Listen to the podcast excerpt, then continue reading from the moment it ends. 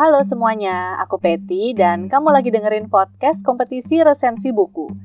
Episode ini masih merupakan bagian dari rangkaian obrolan yang aku pernah adakan waktu itu via Instagram Live. Jadi di sini adalah hasil rekamannya. Nah, tamu di obrolanku kali ini ada Ida Umama. Dia ini host dari podcast I Think I Wanna Date You. Nah, di sini tuh aku sama Ida saling berbagi ya cara-cara yang biasanya kami lakukan sebagai podcaster rumahan supaya hasil rekaman audio di rumah tuh jadi optimal. Jadi misalnya mulai dari tips dan trik mengolah suara sampai gimana kami bisa mengoptimalkan lokasi dan ruangan yang kami punya di rumah. Semoga obrolan ini bisa membantu kamu juga nih buat yang lagi pengen bikin podcast di rumah, apalagi kalau bikin podcastnya podcast buku. Nah, kalau misalnya kamu mau nonton versi video obrolan ini, kamu bisa nonton di channel YouTube-nya Potluck Podcast. Sekarang kita dengerin yuk.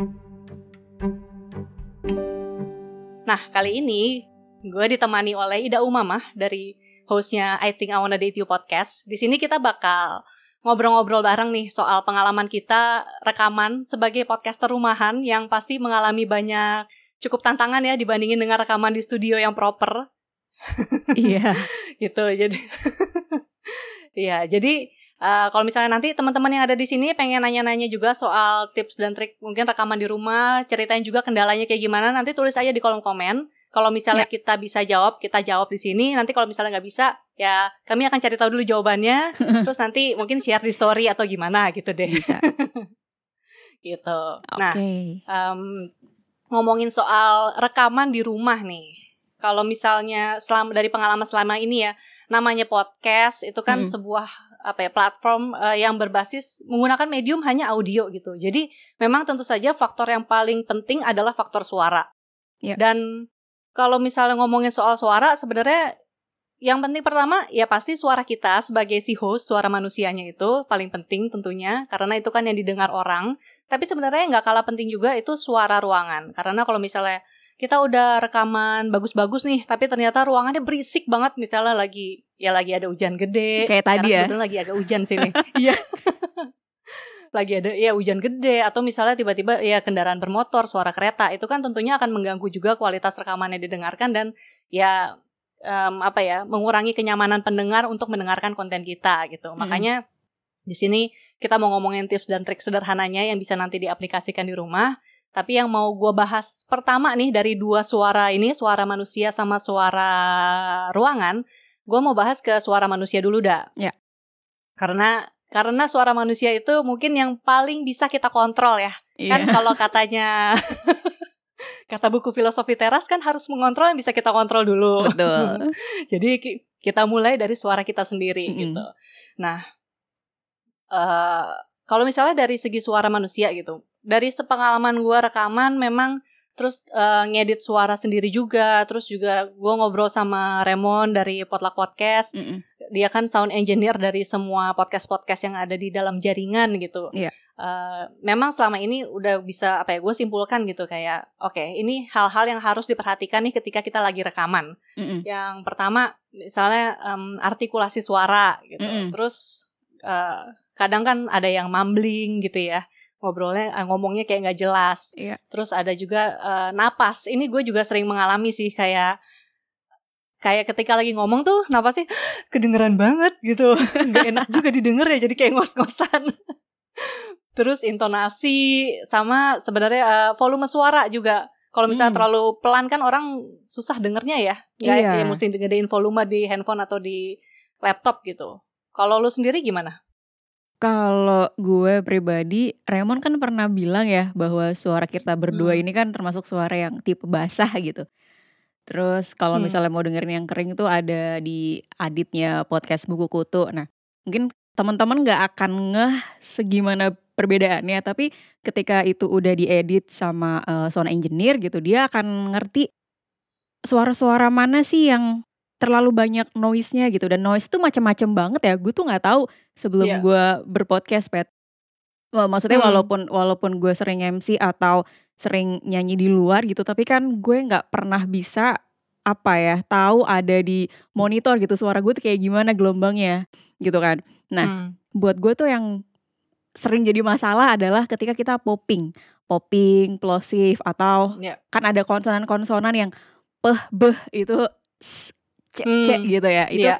hal-hal yang menurut gue sulit dikontrol ketika kita lagi ngobrolin sesuatu dan berpodcast karena kan harus apa ya harus mengalir yang pertama itu terus Mm-mm. seperti berinteraksi dengan audiens gitu kan nah Iya. kayak gitu memang sepele ya kelihatannya oh itu kayaknya bisa deh artikulasi gue udah udah bener atau eh, tempo volume gue udah bener nah again ada lagi nih masalah-masalah yang kecil banget kayak clicking atau decakan-decakan yang kayak kecil banget gitu kan Em, teman-teman yang sering edit audio pasti tahu lah ada satu titik yang ganggu gitu sebenarnya gitu kan nah sama ada lagi soal eh, kecepatan atau kelambatan. Nah, biasanya nih Pet gini ya kalau Iya. kalau di gue, kalau gue lagi monolog, kalau lagi monolog dari hati Hmm. biasanya nah, gue udah kepalang enak nih flow-nya atau kayak agak pengen julid jadi lancar banget nih ngomongnya cepet gitu ya.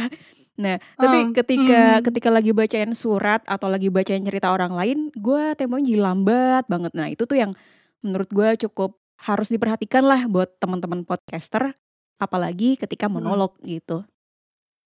Iya. Kalau misalnya eh kalau dari lo biasanya gimana dan ada gak sih latihan-latihan yang biasanya lo lo lakukan gitu sebelum rekaman apalagi kan lo drama audio ya biasanya. Oh, cerpen audio. Iya kan? cerpen audio Iya. iya iya benar-benar Nah, kalau cerpen audio sebenarnya ya latihannya latihan ada sih terus juga berat di ngedit juga ya karena kan harus bersih banget tuh tapi Iya. memang em, untuk mengurangi editing yang berat itu memang harus ada latihan suaranya dulu gitu dan Nah. gue sempat mempraktekkan juga sih kemarin misalnya kayak yang tadi popping lo bilang ya kalau Hmm. misalnya kita ngomongin ya apa ya terutama tuh kalau ngomong p sih kayak p p itu kan pasti buh Iya. keluar gitu kan. Nah itu sih eh gue biasanya misalnya latihannya gini kayak ngobrol nih, ini kebetulan ada tisu di depan gue. Oke. Jadi biasanya kalau misalnya untuk ngelihat eh, mengurangi popping, biasanya coba latihannya misalnya nih kasih taruh tisu nih di depan muka gitu ya. Hmm, Terus oke. kita ngomong aja ngomong aja sih eh, ngomong huruf-huruf tertentu itu misalnya pe pe gitu. Kalau misalnya Hmm. sampai tisunya goyang, nah ya itu berarti eh, napas kita tuh masih terlalu kenceng gitu. Jadi memang Oh, harus latihan oke. sampai eh, ya napas. Mungkin harus sadar banget ketika ngomong huruf-huruf si Hmm. B, D, P itu gitu. Ya Hmm. memang harus sadar penuh lah Iya, supaya iya. nggak menciptakan si plosif itu tadi. Terus Hmm. eh gue juga suka kalau teruta kalau misalnya lagi podcasting biasa mungkin ini agak nggak terlalu sampai intens banget cuman kalau misalnya lagi memang membacakan cerpen eh, train bukan training ya latihan gue adalah ini sih eh biar mulutnya kebuka lebar gitu kan buat artikulasi ya Oh iya biar benar kayak benar. biar nggak mumbling gitu Heeh. Eh, mulutnya gue buka lab gue latihan kayak nguap gitu sih gue lihat di nonton nontonin voice over Oke. artis di YouTube mereka latihannya kayak pokoknya buka mulut lebar-lebar kayak "Ah." Itu ngelemesin ya, ngelemesin otot-otot ini ya, wajah ibaratnya kan. Iya. Mm-mm, kayak stretching gitu Mm, bener. ulangin aja beberapa kali kayak 10 kali gitu terus Mm. juga yang umum biasanya tuh em, lip trill sama Mm. tongue trill jadi Oke. lidah itu lu ngomong huruf R terus dinaik turunin aja nadanya kayak Hmm, Oke. kayak gitu-gitu tuh tuh ulangin aja beberapa kali gitu sampai supaya si lidah kita tuh juga lemes Mm-mm. terus ada juga namanya lip trill sebenarnya em, mirip kayak si tongue trill ya cuman ini Mm. bibir kita jadi di di gimana ya bilangnya di keluar apa ya mungkin dihembusin napas tapi mulutnya ketutup ya Mm-mm. Oh Nah, iya, kayak kayak bocah naik lagi turun. mainan ya. oh iya bener bener bener Iya. Iya iya iya iya itu sih. Terus em, salah satu yang ganggu juga kan tadi yang lu bilang clicking ya. Iya. Clicking iya, tuh eh, kalau misalnya kita lagi ngomong terus berdecak gitu. eh apa ya cara kita berbicara tuh decaknya tuh lumayan kedengeran. Terus Mm. dari yang gue tontonin juga gitu di YouTube memang ada yang bilang clicking nih ada dua jenis gitu. Ada yang clicking kita berdecak karena kita kebanyakan ludah udah. ada juga yang udah ada juga yang berdecak tuh karena justru ya kering mulutnya gitu jadinya Hmm. decaknya decaknya beda sih memang gitu Mm-mm. jadi kalau misalnya kebanyakan ludah ya udah pasti ditelan dulu ludahnya gitu.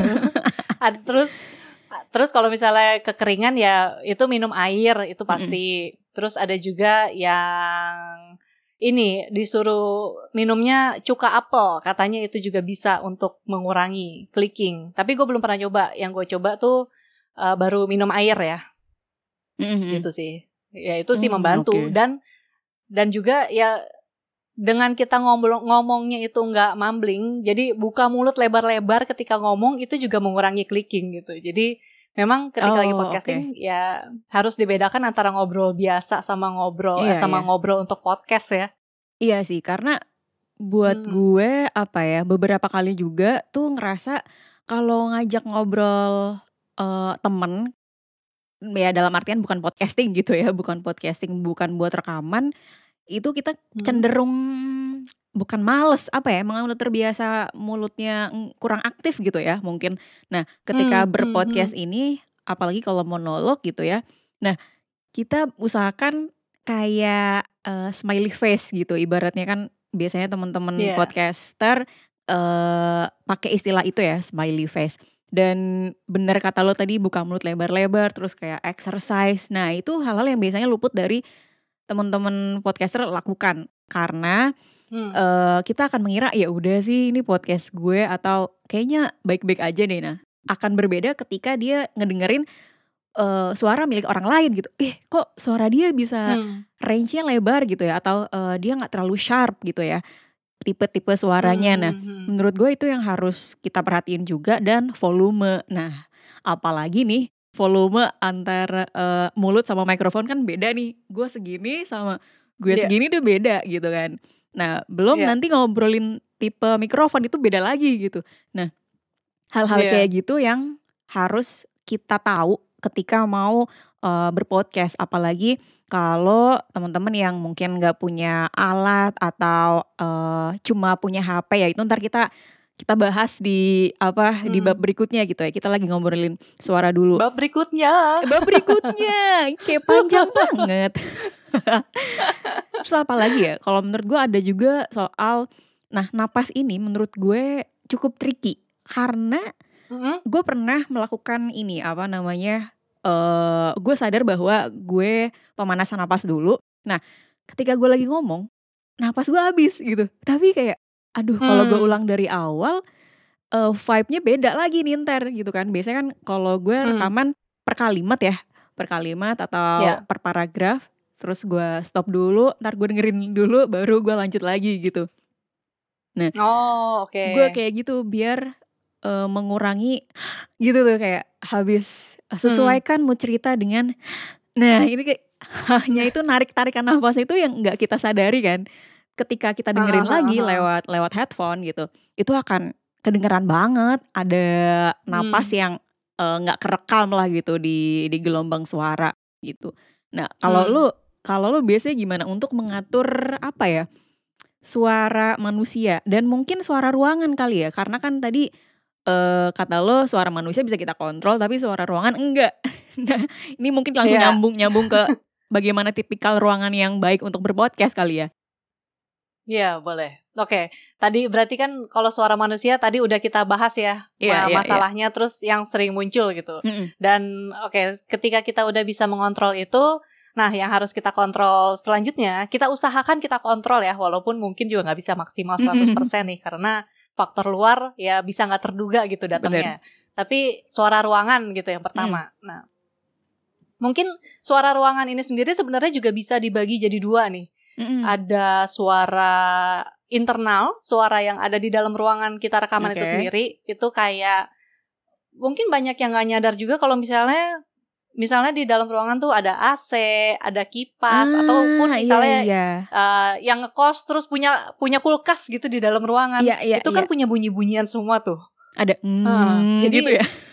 iya, dan bahkan listrik aja misalnya kita ngecas itu kalau misal gue pernah mendengar mungkin nggak semua listrik kali ya kalau lagi ngecas, cuman Mm. gue pernah mendengar eh, ya tertentu listrik-listrik tertentu gitu, kabel-kabel tertentu itu ada bunyinya juga gitu. Oke. Jadi sebenarnya itu juga bisa salah satu noise yang bisa menyebabkan eh, hasil audio kita jadi kurang baik Iya. gitu.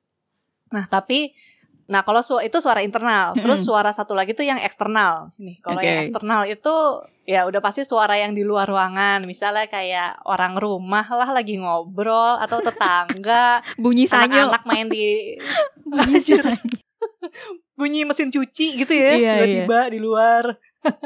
Terus ya bunyi kendaraan bermotor itu Mm-mm. yang paling ganggu, yang paling susah banget dihilangin. Bener. Terus bunyi eh, sama mungkin kalau di sini memang misalnya azan gitu. Hmm. itu juga kan bisa masuk suaranya ketika Iya. kita lagi rekaman Mhm. gitu itu sih bunyi bunyian bunyi bunyian eksternalnya tuh kayak gitu nah nah kalau gue sih mungkin gue sih ada beberapa cara ya Mm. misalnya untuk meng- mengatasi itu gitu Mm-mm. tapi mungkin gue pengen tahu lu- dulu dari lu nih dak Iya.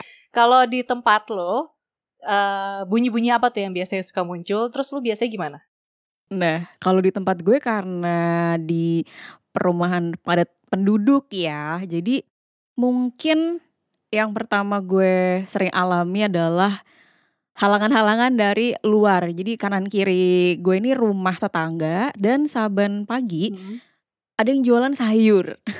Jadi lo bisa bayangin ibu-ibu ibu-ibu berkumpul dua jam ngomongin sayur, lalalala gosip rumpi gitu. Setelah itu Hmm.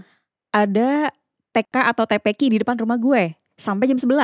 wow Jadi- oke Jadi jadi rumah gue berpagar. menantang Iya, rumah gue berpagar dan biasanya anak-anak tuh mainan pagar, Bo. Jadi kayak dibuka, ditutup. Hmm. Udah gue bilangin tapi ya namanya anak kecil ya, buat mainan Iya. gitu. Nah, terus eh, berikutnya adalah masjid. Walaupun Hmm. rumah-rumah gue di belakang masjid cuman satu masjid, tapi yakinlah kalau azan tuh saut-sautan kayak masjid yang pertama udah terus ganti lagi di sebelah barat ada masjid lagi gitu. Itu kan jadinya berentetan gitu ya. Jadi eh gue biasanya kayak gitu hal-hal yang yang mengganggu rekaman lah gitu ibaratnya. Nah, cuma ada beberapa hal yang bisa gue lakukan. Yang pertama mau nggak Hmm. mau gue harus rekaman setelah jam 10 malam. Biasanya gitu. Hmm, Hmm. paling aman ya. Paling aman, paling aman setelah jam 10 malam. Jadi eh, orang-orang di rumah udah tidur, terus nggak mungkin ada suara sanyo gitu kan. Terus lampu juga mati. Yang tetap hidup ada di kamar gue dan lalu lalang udah nggak ada ya. Iya, ada signal pot motor, cuman nggak sesering kalau siang gitu. Nah, Hmm. kalau gue kayak gitu. Terus sebelum mikirin alat rekam memang eh, memperhatikan lokasi ini penting banget ya. Apalagi kalau misal teman-teman di rumah. Nah, yang paling aman tuh emang di kamar ya, di kamar sendiri gitu ibaratnya. Hmm. Syukur-syukur kalau punya ruangan khusus untuk rekaman gitu, studio kecil lah mini gitu kan minimalis ibaratnya. Nah, kalau misalnya nggak ada Hmm. ya tetap di kamar atau kalau misalnya eh, di kosan yang cuman tiga kali tiga gitu ibaratnya bisa ngakalin beberapa hal misalnya apa ya eh, ngumpul-ngumpulin bantal selimut gitu itu untuk meredam suara-suara dari luar yang tadi kata lo bilang kan eh, faktor-faktor Hmm. eksternal gitu selain itu Hmm. perlu diperhatiin juga bahwa setiap podcaster harus aware sama luas ruangan karena eh, biasanya nih orang-orang akan ngeh oh luas ruangannya segini terus mereka akan uji pakai tepuk tangan kayak gitu terus oh ini gema nih Hmm. oh ini kayak gaung apa gimana gitu nah biasanya kayak gitu Hmm. untuk apa ya mengukur oh kayaknya ruangannya gema banget nih atau ah ini bisa Ya. diedit gitu kan nah kalau gue sih Hmm, itu terus apa lagi ya ya Oh. semakin gede ruangan ya gemanya semakin banyak gitu ya Iya. Terus ini ada dari Leka nih. oh iya ya Leka boleh Putra teman di potluck juga nih dari siniar anak pulau dia bilang jendela kosan deket flyover wow. terus emoticon sedih. Itu menantang banget sih deket flyover. Iya. udah pasti banyak kendaraan lewat dan em, memang waktu itu juga kan gue pernah beberapa kali ngedit siniar anak pulau Mhm. Raymond juga. Terus memang di sela-sela rekaman tuh Leka suka hening sebentar karena suka ada motor atau mobil nungguin ya lewat nungguin gitu. kelar ya. Nungguin dulu. Iya. Gitu. Oke. Jadi memang posisi ruangan kita rekaman itu ini ya eh, menentukan kualitas menentukan hasil gitu. Mm. Jadi menentukan kualitas. Jadi makanya kalau misalnya memungkinkan memang buat teman-teman carilah ketika rekaman nih cari posisi ruangan yang memang nggak dekat dengan jalanan atau nggak dekat dengan sumber suara luar. Mm-mm. Tapi kalau misalnya ternyata hal itu tidak memungkinkan gitu, um, bisa triknya itu adalah dengan membuat ruangan di dalam ruangan. Hmm. Jadi Hmm. seenggaknya sumber suara itu ngelewatin dua kali semacam dinding ya Oh, untuk dia oke. sebelum dia akhirnya masuk ke alat rekam kita Iya, gitu. iya, iya. Jadi Nah, kita jadi kita bikin sendiri gitu Hmm? ya. Bisa ya bikin sendiri aja. Jadi eh, contohnya gitu misalnya ruangan di dalam ruangan, misalnya kita rekaman di kamar nih. Terus kalau misalnya yang paling gampang sih sebenarnya lemari baju ya. Itu mungkin oh iya benar teman-teman podcaster rumahan tuh pasti udah banyak yang denger lah. Iya. Kita rekaman di dalam lemari baju, tapi terus diisi dengan banyak baju karena memang eh, kain-kain tebal itu tuh mau mampu menyerap suara Mm-mm. gitu. Jadi diisi dengan banyak-banyak baju, terus kita rekaman lah di dalam situ. Atau Hmm. kalau misalnya nggak punya lemari gitu, oke, nggak punya lemari nih. Berarti misalnya kardus harusnya punya dong ya. Iya, kardus Masa Indomie. nggak punya sih? Kardus Indomie atau kardus sepatu deh gitu. Si kardus ini dilapisin kain-kain aja, kain-kain baju, tumpukan baju Hmm, kita ambil oke. sedikit, lapisin di kardus itu, terus mikrofonnya taruh di dalam. Bener. Gitu. Oke. Itu juga bisa. Ya. Atau nih, oke nggak ada kardus, nggak ada lemari, coba selimut deh, selimut tebel ya. Bener. Gitu. Itu juga bisa untuk mengatasi eh ya untuk mengatasi noise-nya Noise, itu tadi. Heeh, Jadi kita di dalam gitu sih. selimut gitu ya. Iya, rekaman di dalam selimut. Itu gue pernah sih dulu. Oh iya. Rekaman dalam selimut, iya. Emang suaranya beda banget dengan ketika Oh. kita rekaman. Gue rekaman di kamar biasa gitu, Mm-mm. sama di dalam selimut itu suaranya jauh lebih bulat di dalam selimut. Oke. Cuman memang ya nggak enaknya panas aja sama gerah kan ya. Rempong, Bo, Oke. gitu. Dan memang eh, usahakan gitu kalau misalnya memilih tempat rekaman di rumah, ya cari yang jangan banyak dinding atau jendela, ya karena kan Hmm, eh itu kan suara dari luar juga bisa Mm-mm. masuk. Menyerap gitu. ya. Mm-mm. Dan si benda-benda yang tebal apa yang kain-kain tebal tadi itu sebenarnya bisa menyerap reverb. Jadi Mm-mm. reverb itu gema ya. Jadi Oke. supaya suara kita nggak bergema gitu. Ini ada dari tadi udah dijawab ya dari Serendipitris. Pakai Hmm. kardus bisa? bisa? Bisa. Tadi lapisin aja dengan kain-kain. Tapi Terus bukan taruh kardus bukan kardus makanan ya yang tipis. Kardus makanan tuh yang mana? Oh, kardus. Iya, Kardus selamat Indomie. makan nih. nggak muat juga kayaknya. iya. gitu. Terus em, tadi kalau lu bilang lu rekaman biasanya selalu di atas jam 10 malam ya? Iya. Berarti memang ya itu dia cari selain lokasi kemudian cari tadi Waktu. idealnya gimana Mm-mm. bisa deket kalau bisa jauh dari jalan raya kalau nggak bisa bikin ruangan di dalam ruangan itu tadi cari juga waktu yang paling pas untuk kamu rekaman kalau misalnya Ida tadi di atas jam 10 malam sebenarnya nasib sih gue juga idealnya di atas jam Iya 10 kan, udah paling aman itu di deh. atas jam 10 malam Iya. Paling aman. Walaupun suara motor tuh masih datang gitu. Jadi ya Hmm. ketika misalnya lagi rekaman terus ada suara motor, ya gue biasanya ya udah diam dulu tunggu motornya kelar baru lanjut lagi gitu. Nasib. Nah, Iya, iya. kalau misalnya em, ngomongin alat rekam dak, Mm-mm. lo udah pernah nyobain apa aja nih? Waduh, alat rekam. Kalau untuk podcasting ya, gue belum pernah pakai handphone ya. Kalau gue, gue pribadi belum pernah Hmm. pakai handphone untuk di I Think I Wanna Date You. Tapi Hmm. beberapa kali temen-temen yang mulai podcasting terus tanya ke gue, biasanya gue akan menyarankan pakai handphone dulu kalau memang belum mau berinvestasi ke beli-beli alat gitu ya, senilai berapa Hmm. gitu. Buat gue memang agak tricky ya pakai HP dan tergantung mereknya mungkin ya karena Hmm. eh, untuk yang merek-merek Apple lebih jernih kayaknya ya suaranya iPad dibanding yang Android gitu. Eh kayak Konon sih begitu ya. Iya Ha. ya beberapa teman mengakui itu. Dan kalau gue pribadi sebenarnya pakai dynamic microphone nih karena memang Hmm. gue sejak sejak awal gue dipinjemin alat sama Iboy sound engineer gue dulu. Terus eh, dia punya mic Shure kalau nggak salah ya. Shure terus pakai eh, audio interface juga terus disambungin ke laptop. Nah, sejak dulu Iboy itu selalu bilang ke gue bahwa kayaknya lo cocoknya pakai dynamic microphone karena waktu itu gue rekamannya cenderung banyak di luar pet di cafe di resto karena gue ngundang narsum ya gitu. Hmm. Jadi eh, mikrofon dynamic ini cuma menangkap satu satu arah suara gitu ya dari dari sini aja dengan Hmm. jarak tertentu. Kalau misalnya mikrofon gue Ya. diginiin nggak akan kedengeran lebih jernih Hmm. gitu ketika gue kayak gini. Nah, terus apalagi mungkin pilihannya ada dua ya. Kalau misalnya nggak dynamic mikrofon yang pakai kabel, yang pakai USB.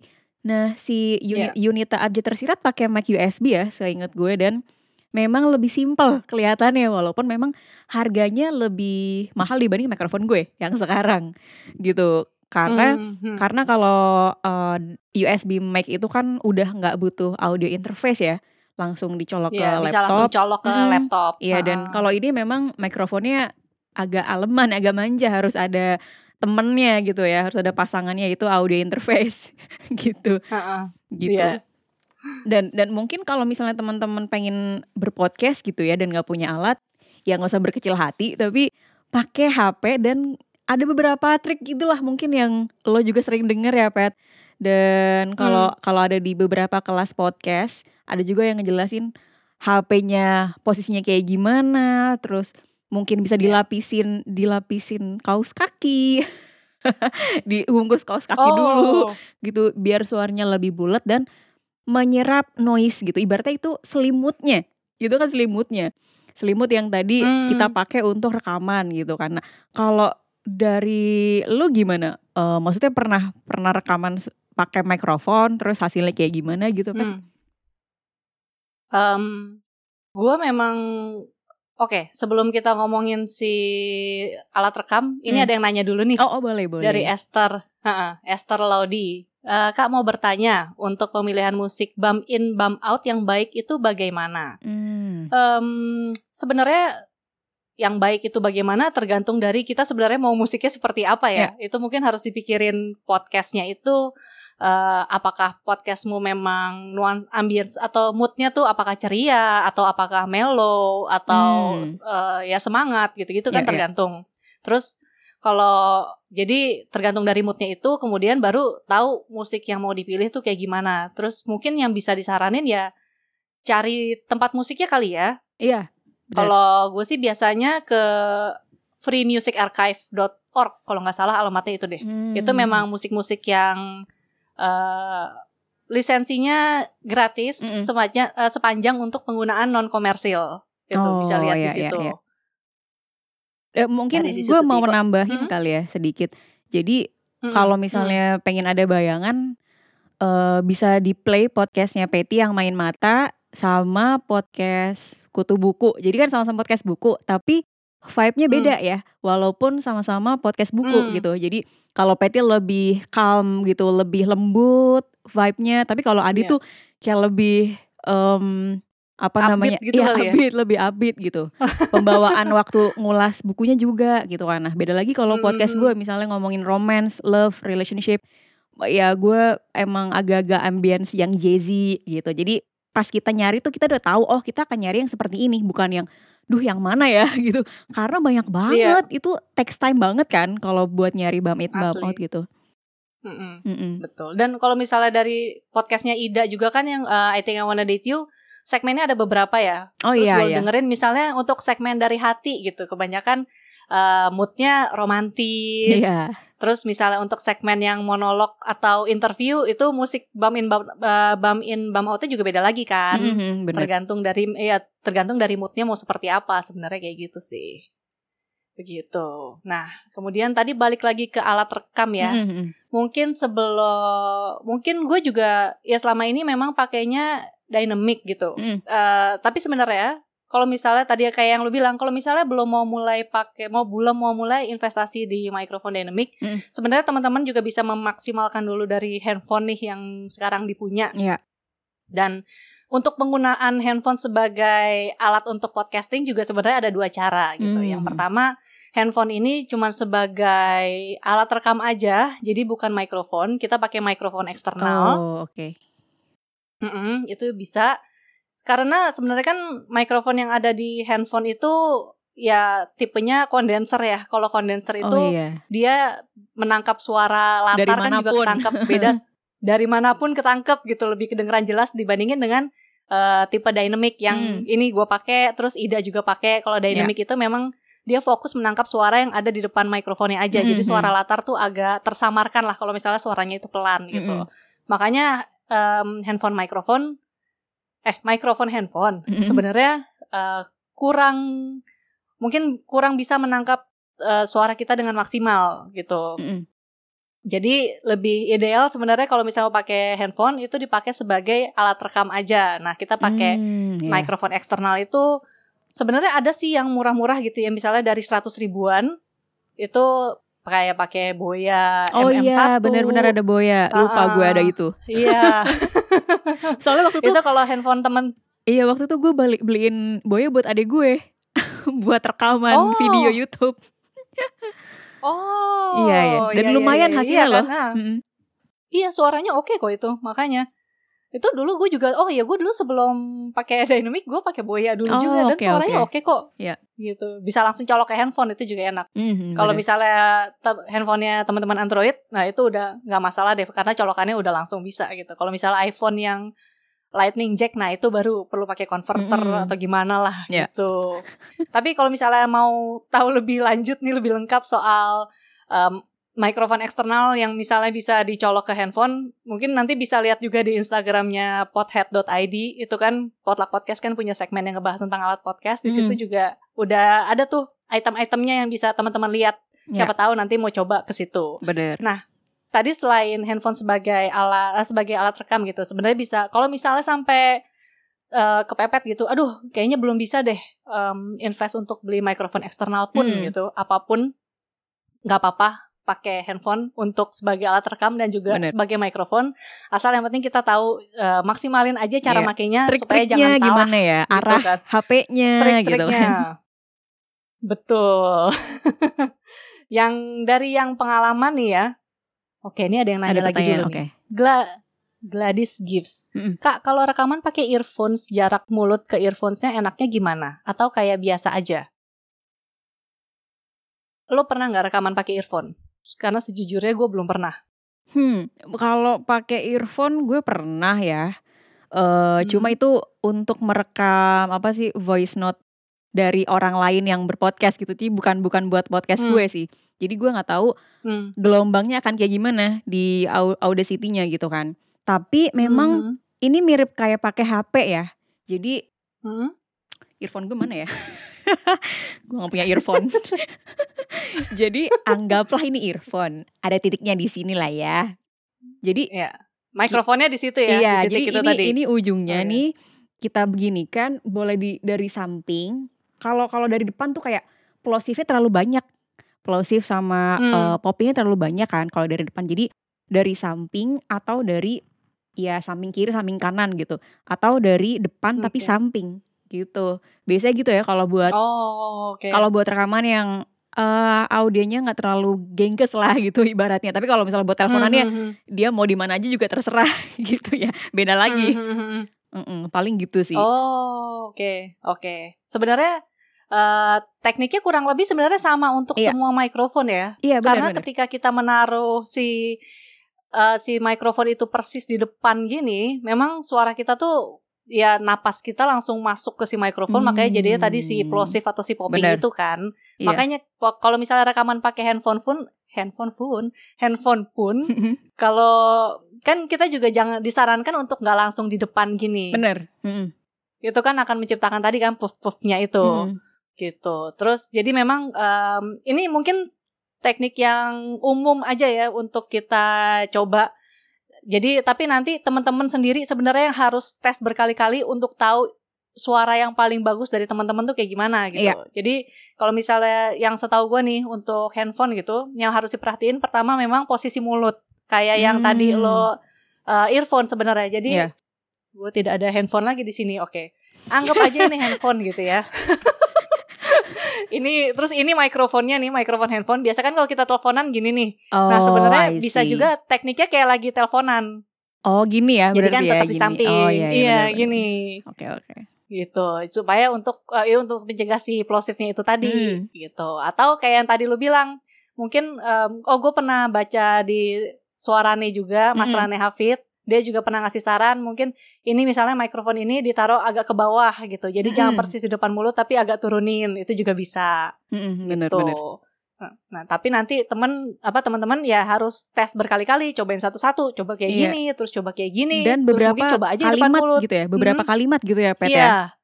Beberapa kalimat, satu paragraf deh kalau bisa biar tahu Iya. yang paling bagus yang mana tuh, yang ya yang suaranya paling bulat tuh yang mana sih? Ya, paling Gitu. mending lah ibaratnya. Iya. Betul. Em, terus Eh tadi kayaknya ada pertanyaan lagi Pet, sorry. Eh, mana tuh? Dari mana? Eh Sebentar, coba kita coba lihat. di Earphone udah. Oh, ini komen sih. Oh, komen ya? Arnu 02. Hmm. Teknis-teknis kayak gini yang perlu diketahui. Pengen bikin podcast buku? Bikin dong, yuk. Ayo bikin nanti ikut lomba resensi audio. iya, betul. Ada hadiahnya mikrofon hadiahnya. Nah, kalau dapat hadiahnya bisa langsung dipakai tuh nanti. Iya, enak banget tuh. Lebih mahal dari Mac gue. Anjir. ini lagi uh, Serendipitris nanya lagi. Mm-mm. Kalau mau agar suara seperti yang asli gimana ya, Kak? Soalnya kalau udah masuk via earphone, suara kayak jadi anak kecil itu. Oh, gimana iya ya? bener. Emang iya ya? Menurut gue tergantung earphone-nya, Pet. Eh, maksudnya ini kita nggak nggak memungkiri harga earphone itu memengaruhi kualitas suara ya. Jadi gue pernah nih, gue Hmm. pernah teleponan sama orang, Hmm. terus gue ganti earphone. Gue punya earphone yang harganya 50 ribu dan ada Hmm. earphone yang harganya 300. dan Oh, oke. dan ternyata pas gue pakai yang 50 ribu dia ngerasa suara gue mendem dan cempreng gitu loh. Bahkan dia bilang kayak Hmm. Lo kok suaranya beda ya kalau lagi ngobrol di podcast sama ngobrol kayak gini gitu. Oh mungkin earphone-nya kali. Hmm. Terus gue gantilah pakai earphone yang agak mahalan dikit. Itu berbeda ya walaupun emang nggak beda jauh tapi beda dan lebih lebih lebih terdengar asli gitu kayak suara ngobrol langsung gitu sih. Jadi Oh, berarti maksudnya sebenarnya ketika direkam suara kita normal tapi karena earphone-nya kurang Mm-mm. kurang bagus Mm-mm. menangkap hasil suara jadi kedengarannya kayak anak kecil gitu. iya Ini jadi mungkin Serendipitris bisa konfirmasi juga ya. iya Ah, terus boleh. terus. Nah gitu, jadi gue nggak tahu ini coba nanti divalidasi apakah ini cuman gue doang apa enggak. Tapi memang merek merek Hmm. earphone yang gue beli juga cukup berpengaruh lah. Kayak sekarang nih gue lagi pakai eh, Sennheiser ya kalau nggak salah. Dan sebelum ini gue Hmm. pakai merek lain yang ya 50 ribu lah di mbak-mbak counter HP gitu karena gue lagi butuh. Hmm. Nah begitu dipakai buat Instagram live pet itu beda banget, beda banget hasilnya. Lebih lebih cempreng gitu. Hmm. Iya iya. Oh gitu. Oke. Oke. Ini kebetulan di sini juga ada Bapak Raymond Malvin nih ikut Nah. mendengarkan. Lebih jago Jadi dia. siapa mah. tahu ada yang mau nanya-nanya teknis nih. Mungkin kalau gua sama Ida nanti juga belum pernah mengalami Mm-mm. gitu ya. Mungkin Raymond juga nanti bisa memberikan masukan. Jadi kalau misalnya ada teman-teman yang mau nanya lagi nih soal hal-hal seputar rekaman, bisa juga tulis aja di kolom komen ya. Oke. Oh ini dia, Serendipitris konfirmasi nih. Hmm. Iya kak, suaraku kayak agak bass pas ngomong, kata Mm-mm. temanku. Tapi pas telepon pakai earphone gitu, Google Meet suaranya kayak anak kecil. Iya iya. Karena kan Ya, kualitas mikrofon di earphone itu nggak mungkin lah ya dengan kualitas yang lebih bagus harganya lebih murah gitu. Itu kan nggak make Hmm. sense gitu kan. Hmm, hmm, hmm. Oke, oke. Ya udah, ya berarti mudah-mudahan menjawab ya. Ya. Oke, tadi berarti em, untuk rekaman pakai handphone gitu ya. Kan tadi kita ngomongin soal posisi mulut gitu. Bener. Tapi sebenarnya ada beberapa hal lagi juga yang perlu diperhatiin kan ya, Da. Ya misalnya kayak lu selain merhatiin si mulut gitu, tentunya lu juga harus tahu volume suara lu sebesar apa kan pas Heeh. lagi rekaman. Iya. Iya. Jadi pokoknya kuncinya kalau lagi mau bikin rekaman audio ya intinya jangan lupa untuk selalu ngetes suara kita sih. Mhm. Pokoknya jangan mungkin apa ya bersiap untuk yang terburuk aja. Jadi jangan jangan berharap sekali rekam tuh bisa langsung, Langsung jadi. bagus. gitu. Iya iya benar dan gue juga pengen menekankan Iya. bahwa soal volume atau artikulasi itu juga sangat apa ya rentan rentan jelek gitu menurut gue bahkan untuk gue yang sering yang Hmm. tadi gue bilang gue sering MC gue sering sering ngomong di depan orang gitu ya gue harus bisa mungkin bukan berpura-pura ya tapi lebih ke ngebuka mulut dan memosisikan Mm-mm. yang di dalam mulut tuh nggak kayak ngobrol biasa gitu. Nah ini tuh ini yang sedang gue uh, rekam di mic sama Patty ini adalah bukan obrolan biasa yang biasanya gue apa ya obrolin ke temen kalau lagi ketemu biasa Ya. atau Hmm. kalau di podcasting akan lebih lebar lagi dan uh, gue biasanya ngejarakin nih pet kalau misalnya di mikrofon ini nih em, di audio interface-nya gue akan volumenya seberapa gitu ya atau di angka 12, di Hmm. angka 3, di angka 2 gitu.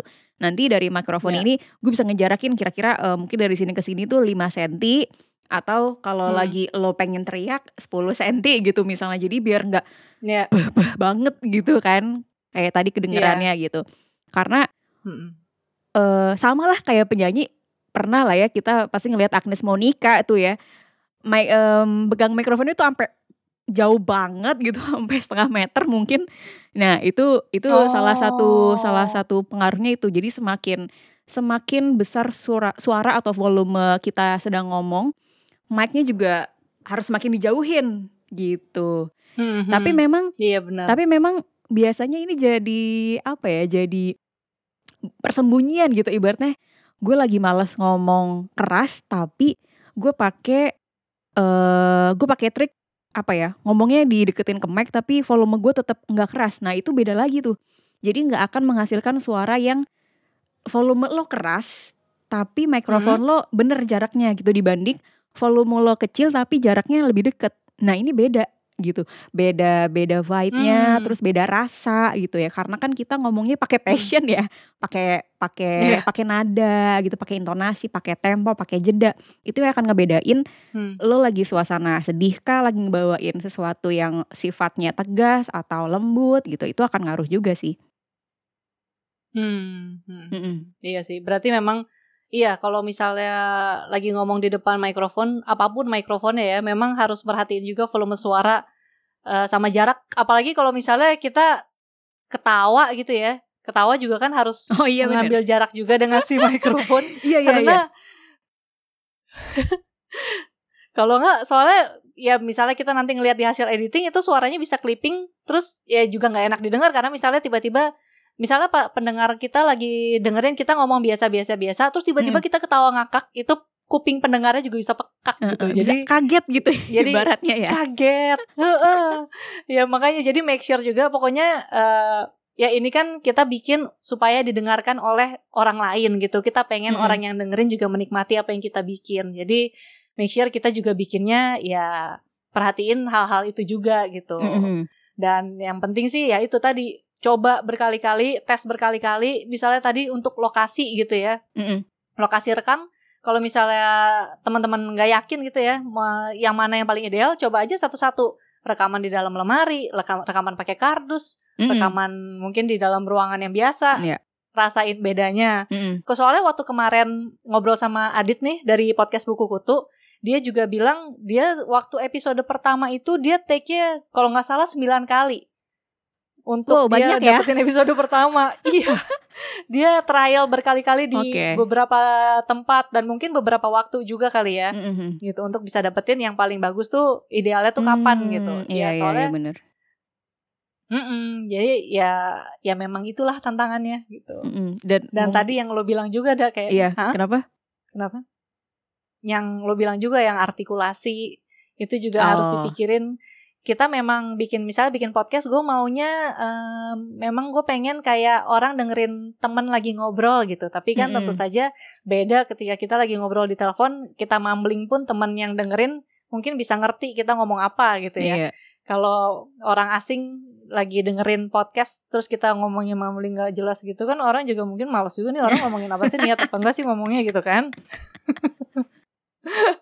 Iya iya. Dan Gitu. mungkin gue mau nambahin sedikit ya sebelum kita ke closing gitu. Jadi pernah nggak sih temen-temen kalau dengerin podcast yang ramean atau sendiri gitu, tapi dia ngobrol gitu, ibaratnya lagi ngomongin opini sesuatu, eh, entah berdua, entah berempat gitu ramean. Kerasanya dia tuh kayak jauh banget gitu dari mikrofonnya gitu. Dan suaranya tuh kayak kecil banget. Nah itu yang menurut gue butuh diperhatikan juga ketika lo ngobrol sama banyak orang posisinya tuh udah sama apa belum jadi jangan sampai kita misalnya patokannya kerapot gitu ya orangnya banyak tapi kayak suaranya udah ini semua sih udah apa balance gitu. Ya yang pertama background mereka Hmm. udah penyiar radio rata-rata udah berpengalaman. Terus kedua editingnya juga lebih ciamik kan, apa alat-alatnya juga. Jadi Iya. kita eh, sebagai podcasting pemula gitu ibaratnya yang memang belum pernah punya pengalaman untuk eh, belasan tahun atau bertahun-tahun untuk nge-MC atau jadi penyiar gitu. Ya bagaimana caranya kita belajar untuk menyesuaikan semua apa ya ibaratnya sumber daya ibaratnya lah ya dari diri sendiri Hmm. suaranya seperti apa terus eh, menyesuaikan dengan alat-alat rekam yang kita punya yang bisa kita usahakan gitu jadi jangan sampai berpatokan pada suatu hal tapi kita juga Iya. nggak realistis gitu untuk mewujudkannya Iya, iya, benar. Kalau misalnya ya ya iya, patokannya misalnya kerapot ya tentu saja mungkin peralatannya beda tadi kayak lu Mm, bilang ya bener. skillnya juga beda gitu. Mm. Ya yang penting kita juga tahu tahu kita sekarang mampunya di mana terus kita maksimalin aja sih dari apa yang kita Iya. punya. Gitu sih. Sama mungkin ini buat uh, serendipitris juga kalau misalnya mau tanya-tanya nanti lebih lanjut lagi soal uh, rekaman podcast atau ya home recording gitu, Mm-mm. mungkin bisa follow ke pothead.id itu segmennya potluck yang emang ngebahas tentang alat-alat podcast sama uh, rekaman di rumah. bener Uh, podhead.id.